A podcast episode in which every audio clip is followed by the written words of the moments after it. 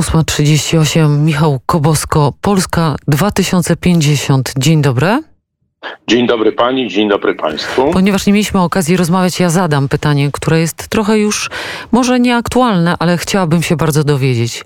Skąd wpadł, dlaczego pan wpadł na pomysł, żeby po tylu latach w mediach, przypomnę, że był pan wielokrotnie naczelnym, był pan dziennikarzem, był pan też doradcą. Skąd pan wpadł, dlaczego taki pomysł, żeby zająć się polityką? Pani, po pierwsze, moje wcześniejsze doświadczenia w mediach były tyleż ciekawe, inspirujące, bardzo bogate, co pokazały mi, że media w takiej formule, jaką ja i znałem, i w jakiej dobrze się czułem, w jakim stopniu się zaczęły kończyć i szukałem nowego miejsca dla siebie i szansy dla dalszego rozwoju zawodowego. Po drugie, dlatego, że przyglądałem się, podobnie jak wielu dziennikarzy zajmujących się polityką, przyglądałem się z boku e, temu, co się dzieje w polskim życiu politycznym, temu, jakie są zawierane koalicje, rozpadają się rządy, jakie sprawy są polityków załatwiane i jakie nie.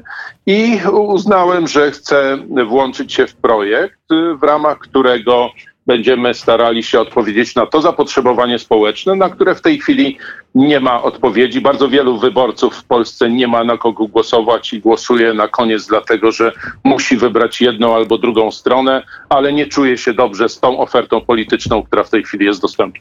I kto wpadł na pomysł, że Szymon Hołownia będzie kandydatem na prezydenta? Czy to była jego decyzja i jego pomysł?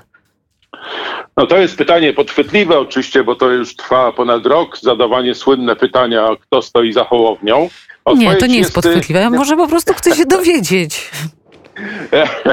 Nie, przepraszam, ja absolutnie ufam, że pani chce się dowiedzieć. Po prostu już tyle razy słyszeliśmy to pytanie zadawane z jakąś tezą o jakichś mrocznych siłach, które stoją. Krótka odpowiedź na pani pytanie jest takie. Na ten pomysł, tę ideę wpadł Szymon Hołownia na bazie swoich bardzo długich doświadczeń jako publicysta, w tym publicysta zajmujący się sprawami Kościoła, jako działacz społeczny prowadzący od kilkunastu lat dwie fundacje działające w Azji, w Afryce, w sumie w 14 chyba czy 15 krajach świata, jako osoba bardzo zaangażowana społecznie, autor ponad 20 książek, człowiek, który bardzo wiele osiągnął w swoim życiu publicysty, dziennikarza, autora i działacza społecznego i uznał, że chce podziałać na rynku politycznym i przekonał między innymi mnie do tego, że ma to sens i ma to ogromne szanse powodzenia.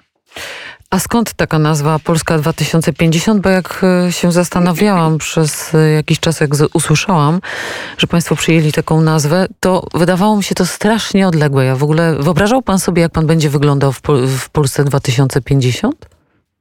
Znaczy, po pierwsze, chciałbym być w Polsce 2050. No tego nie wiemy. Chciał...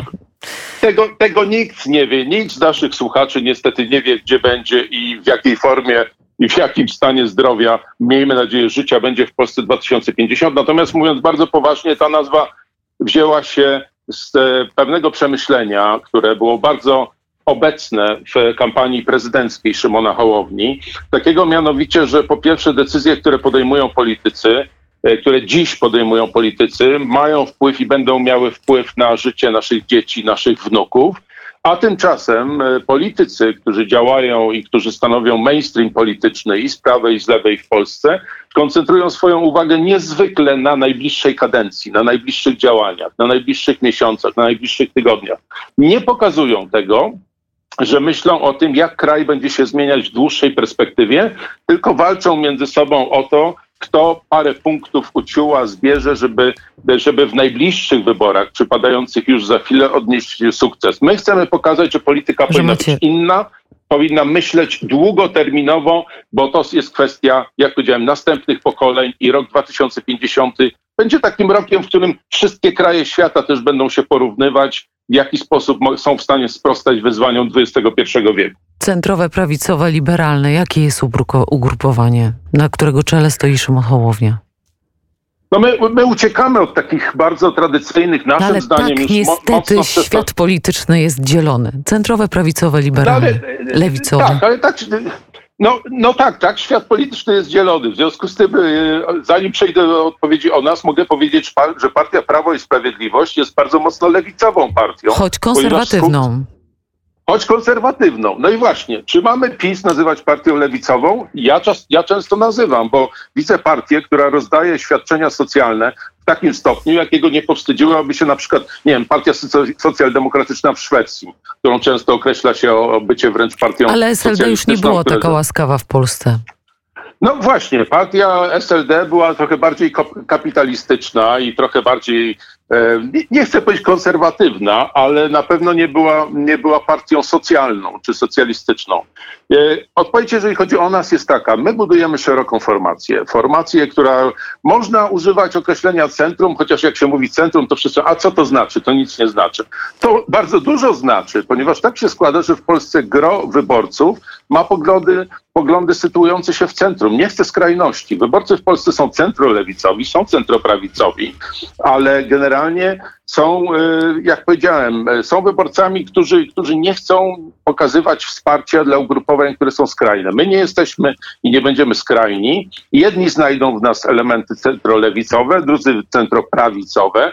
Ja odniosę się, jeśli pani pozwoli, tylko do e, tekstów w dzisiejszych dwóch tygodnikach kolorowych, a być może większej ilości. Ja widziałem tylko tygodnik Newsweek i tygodnik sieci.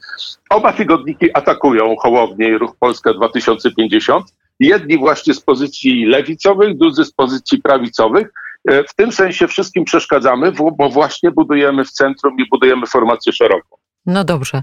To jak już Państwo tak budują, to co Pan sądzi o strajkach kobiet? Jakie jest stanowisko Państwa wobec e, tego, co się dzieje na ulicach?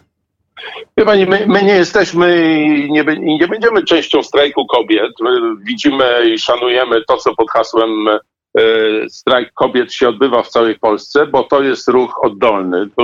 Nikt e, tym ludziom nie nakazuje wychodzić na ulicę. Wychodzą i kobiety, i wielu mężczyzn, dlatego że nie zgadzają się ze sposobem stanowienia prawa, ze sposobem odbierania kobietom wolności, wolności decydowania o swoim życiu.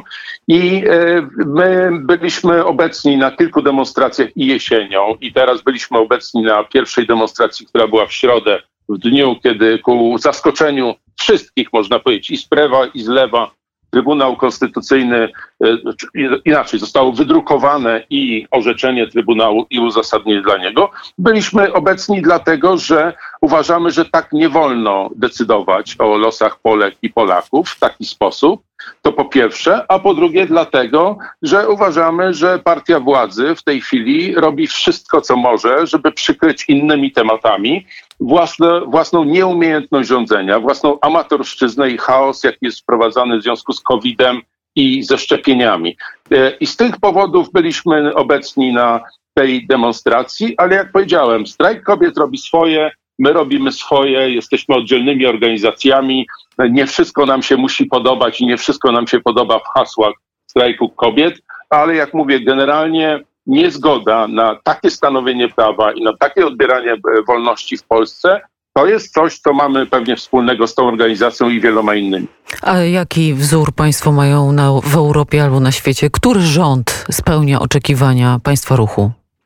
Bo skoro Polski nie, no to może jest jakiś Wie pani, e, wielokrotnie ostatnio dostajemy pytania z Europy od innych partii, e, w jakiej my formacji w Europarlamencie się znajdziemy. Wtedy, Ale kiedy ja pytam, będziemy mieli który rząd w Europie albo na świecie spełnia oczekiwania państwa ruchu, jeśli chodzi o działania covidowe, który dobrze szczepi obywateli, który nie ma chaosu gospodarczego, który, jeśli Polski państwa zdaniem się kompletnie wyłożył i zasłania temat, no to który jest takim wzorem?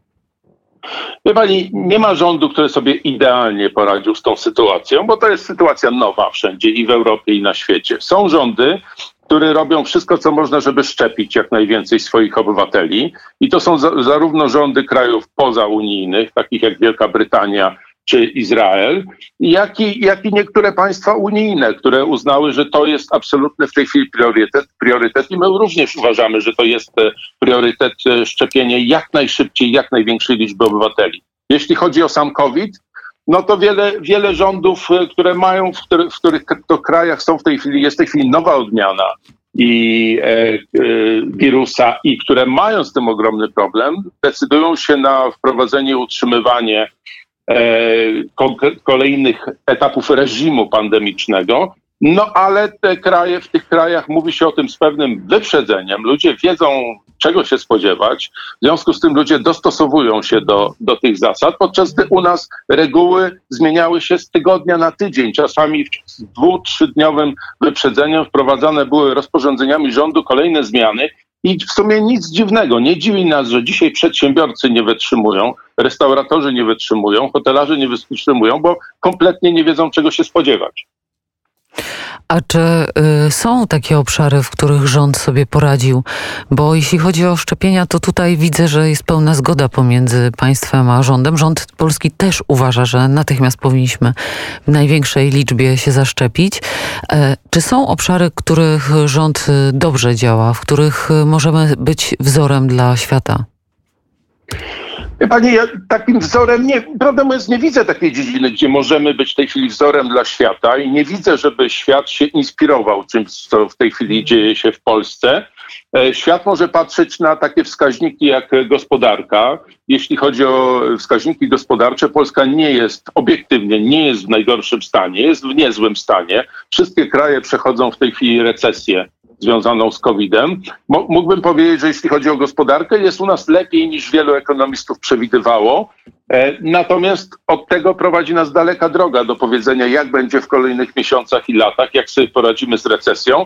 Rząd ma przedstawić podobno jakąś prezentację nowego programu, nowego Ładu Morawieckiego. Będziemy uważnie czekać na ten program. Nie mówimy z góry, że wszystko nam się będzie nie podobało, czy też nic nie będzie nam się podobało w tym programie Morawieckiego. Chcielibyśmy poznać jego szczegóły i zobaczyć, co w tym programie ma sens, a co sensu nie ma. Także po doświadczeniach tak zwanej strategii na rzecz odpowiedzialnego rozwoju pierwszego dokumentu programowego Morawieckiego, z którego nic nie wyszło, mówimy to z perspektywy już czterech lat wprowadzania tego programu w życie. To, jak, e, jak już zaczęliśmy na początku o tych spekulacji, kto za państwem stoi i jak wygląda układ e, państwa ruchu, to proszę powiedzieć, z czego państwo się utrzymują? Jak wygląda życie codzienne i praca e, wokół Szymona Hołowni? No, życie codzienne i praca polega przede wszystkim na tym, że tej pracy jest bardzo, bardzo dużo, ponieważ budujemy ogólnopolską organizację. To znaczy, że jesteśmy, działamy i spotykamy się tak jak możemy w warunkach covidowych w miastach wojewódzkich i w miastach powiatowych, gdzie są nasi działacze, którzy w przyszłości będą także współtworzyć naszą partię. Dzięki czemu istniejemy i funkcjonujemy? Dzięki zbiórce publicznej. Tak było w kampanii prezydenckiej Szymona Hołowni i tak jest w dalszym ciągu. My zbieramy środki ze zbiórki publicznej. Poprosiliśmy naszych wolontariuszy, aktywistów i sympatyków, żeby wpłacali pieniądze na na, na rachunki bankowe. Jest to przejrzysty sposób finansowania. Nazywamy się Polska 2050. Poprosiliśmy wiele osób o to, żeby kwotę symboliczną 20-50, 20 zł 50 groszy miesięcznie wpłacali nam albo w formie jednorazowych przelewów, albo w formie zleceń stałych. I to z dzisiejszej perspektywy jest nasze jedyne źródło utrzymania sprawdziło się w kampanii prezydenckiej w ubiegłym roku, w tej chwili się sprawdza, ale oczywiście nie daje nam to szans na to, żeby mieć tyle pieniędzy, ile mają największe partie, które dostają subwencje budżetowe, czyli dostają pieniądze z naszych podatków i z tego się utrzymują. Jak będą wybory parlamentarne, jeśli nasza partia dostanie się do Sejmu, to zapewne będzie uczestniczyła także w tym no, procesie dzielenia środków pochodzących z subwencji budżetowych. Na razie takich pieniędzy nie mamy, w związku z tym prosimy o wsparcie i dzięki Bogu na razie to wsparcie otrzymujemy. Dobrze, ale czy pan i Szymon Hołownia i pracownicy, którzy są związani z ruchem, utrzymują się z tych darowin? No, muszę powiedzieć, że nie, do polityki nie idzie się dla pieniędzy i ciężko jest e, się utrzymać z tych darowizn, ale tak, osoby pracujące w naszym ruchu, w jego centrali i reprezentujące nas w miastach wojewódzkich otrzymują wynagrodzenie. To jest ciężka praca, jaką wykonują, praca, której nie da się pogodzić z innymi źródłami utrzymania. Więc między innymi i Szymon Hołownia i, i ja no, musieliśmy się pogodzić z tym, że zarabiamy o wiele, wiele mniej niż kiedyś nam się zdarzało w życiu, ale e, dajemy radę i, i po drugie mamy ogromne poczucie, codzienne poczucie tego, że warto i trzeba. Czy teraz, jak już się Państwo zajmują tak poważnie budową polskiej polityki, to zdradzi mi Pan, czy posłowie PiSu, nie wiem, ludzie z PiSu chcą do, przystąpić do ruchu Szymona Hołowni? Wie pani, e, się przyglądamy uważnie wielu posłom, e, posłankom i posłom e, z obozu Zjednoczonej Prawicy. Widzimy sporo osób, które są ciekawe, wartościowe. Widzimy też wiele osób, które no, zawierzyły całkowicie swój los PiSowi i prezesowi Kaczyńskiemu, są absolutnie lojalne i w związku z tym nawet nie rozglądają się na boki, bo wiedzą, że w PiSie nawet rozglądanie się na boki mogłoby być przyczyną wielu groźnych chorób i mogłoby być dla nich niebezpieczne. Natomiast mogę potwierdzić, że rozmawiamy także z osobami z obozu tak zwanej Zjednoczonej Prawicy i mamy nadzieję, że część z tych osób będzie chciała połączyć e, swoje siły z nami. No ale to, nie, to nic tu się nie dzieje w 5 minut ani w 10 minut. To jest proces wzajemnego przyglądania się sobie i nabierania do siebie zaufania. A skoro nabierają Państwo do siebie zaufania, to jaka jest najbliższa e, przyszłość polityczna? Jakie w tej chwili Państwo mają poparcie? Bo oczywiście w zależności od sondażowni te wyniki są różne, więc chciałabym usłyszeć od Pana, jakie, na jakie poparcie Państwo mogą liczyć w Polsce? Jaką przyszłość, na jakie najbliższe kroki e, szykują Państwo w tej chwili? Czy jeśli chodzi o poparcie, to jest e, swoją drogą kamyczek do, do ogródka e, pod tytułem badania opinii publicznej w Polsce i rzeczywiście te badania są niezwykle rozchwiane. W zależności od tego, czy robi je mniej, czy bardziej profesjonalna pracownia, czy bardziej pracownia kojarzona z lewicą, czy bardziej z prawicą, czy bardziej z rządem, czy bardziej z opozycją, to te wyniki są kompletnie różne. I ja zgadzam się z panią, że, bo tak rozumiem to pytanie, że, że trudno, trudno wyciągnąć jakiś jeden wniosek, wniosek i mhm. trudno, trudno wyciągnąć średnią. My w tej chwili sytuujemy i lokujemy nasze poparcie dla naszego ruchu mniej więcej na poziomie 15, może nieco więcej procent, co daje nam silną trzecią pozycję. W niektórych sondażach nawet drugą pozycję, ale uważamy, że ta trzecia pozycja za dwiema wielkimi partiami jest tym miejscem, które dzisiaj realnie oddaje nasz potencjał. Natomiast gdzie będziemy w przyszłości? Nie interesuje nas y, bycie partią numer trzy. Jak każda partia idąca do polityki, chcemy starać się o to, żeby osiągnąć jak najlepszy wynik i żeby to był wynik co najmniej drugi w Polsce. To jest, to jest dla nas y, realne i uważamy, że realistyczne, a celem y, głównym jest bycie siłą numer jeden. I mówimy to o tym w długiej perspektywie, mówimy o tym na spokojnie, nie używamy określeń typu, że chcemy być liderami opozycji. Nie, budujemy szeroką formację i jako taka powinna odpowiadać na potrzeby największej grupy wyborców w Polsce. A zwyczajem też e, partii opozycyjnych albo ugrupowań aspirujących jest tworzenie gabinetu cieni. Czy Szymon Hołownia widzi się w roli premiera, a jaką rolę pan e, sobie przypisuje, w jakiej roli ewentualnie by pan się widział po wygranych wyborach, przejęciu władzy? I czy znany już jest mniej więcej skład, e, jaki Państwo by mogli zaproponować, jeśli chodzi o rząd? Wie pani, uśmiechnąłem się, bo rozmawiamy na ponad dwa lata przed wyborami. Więc Lepiej wcześniej niż e, później. Trzeba wiedzieć, na kogo wyborcy będą głosować. Ja, ja, Proszę ja odpowiadać. Tak, nie, nie używamy określenia gabinet cieni, bo w polskich realiach politycznych przez ostatnie 30 lat ta formuła się nie sprawdziła nie funkcjonuje dobrze i czasami jest po prostu, głównie służy do obśmiewania tych, którzy ewentualnie mogliby się w takie działania zaangażować. Nie, my działamy rzeczywiście, staramy się dobierać fachowców, szukać ekspertów w poszczególnych dziedzinach które będą potem dziedzinami funkcjonowania naszego rządu. Natomiast gabinetu cieni nie tworzymy, Szymona Hołowni nie obsadzamy w roli premiera. On sam zadeklarował, że chce w 2025 roku startować ponownie na urząd prezydenta Rzeczpospolitej i ja też nie obsadzam się w żadnej roli, bo wie pani, to nie jest ten czas, to nie jest ten moment, y, tym bardziej, że partie opozycyjne na pe w pewnym momencie, jeśli ta ordynacja wyborcza, kodeks wyborczy zostanie utrzymany, a, a, a jeszcze bardziej, jeżeli ten kodeks zostanie przez PiS zmieniony, więc partie opozycyjne będą że tak powiem, zachęcone do tego, żeby siąść do rozmowy między sobą, także o tym, jak potem dzielić się odpowiedzialnością w ramach, e, w ramach kierowania i prowadzenia rządu. Bardzo serdecznie dziękuję za rozmowę w poranku. Życzę wszystkiego dobrego i dobrego tygodnia. Michał Kobosko, Polska 2050. Dobrego tygodnia pani i słuchaczom. Pozdrawiam serdecznie. Poranek e, wnet e, dobiega końca. Dziś e, ja, Katarzyna Adamiak, w towarzystwie trzech panów realizatorów, Olek, Mikołaj i Karol. Pozdrawiam Was bardzo serdecznie. Helena Gruszewska przygotowała poranek, za co jej bardzo serdecznie dziękuję. Dziś mamy, proszę Państwa, proszę nie zapomnieć, pierwszy dzień lutego, początek tygodnia i y, zacznie się za chwilę nowy czas, w którym warto poświęcić energię na to, żeby myśleć optymistycznie i patrzeć na piękne słońce, które już za oknem w Warszawie. Pozdrawiam Kraków, pozdrawiam Wrocław, pozdrawiam Białystok i pozdrawiam Państwa na całym świecie. Proszę do mnie pisać. Pozdrawiam też Darka, którego mi trochę tutaj brakuje w studiu. Wszystkiego dobrego, do usłyszenia za tydzień. No, to słuchajmy radia.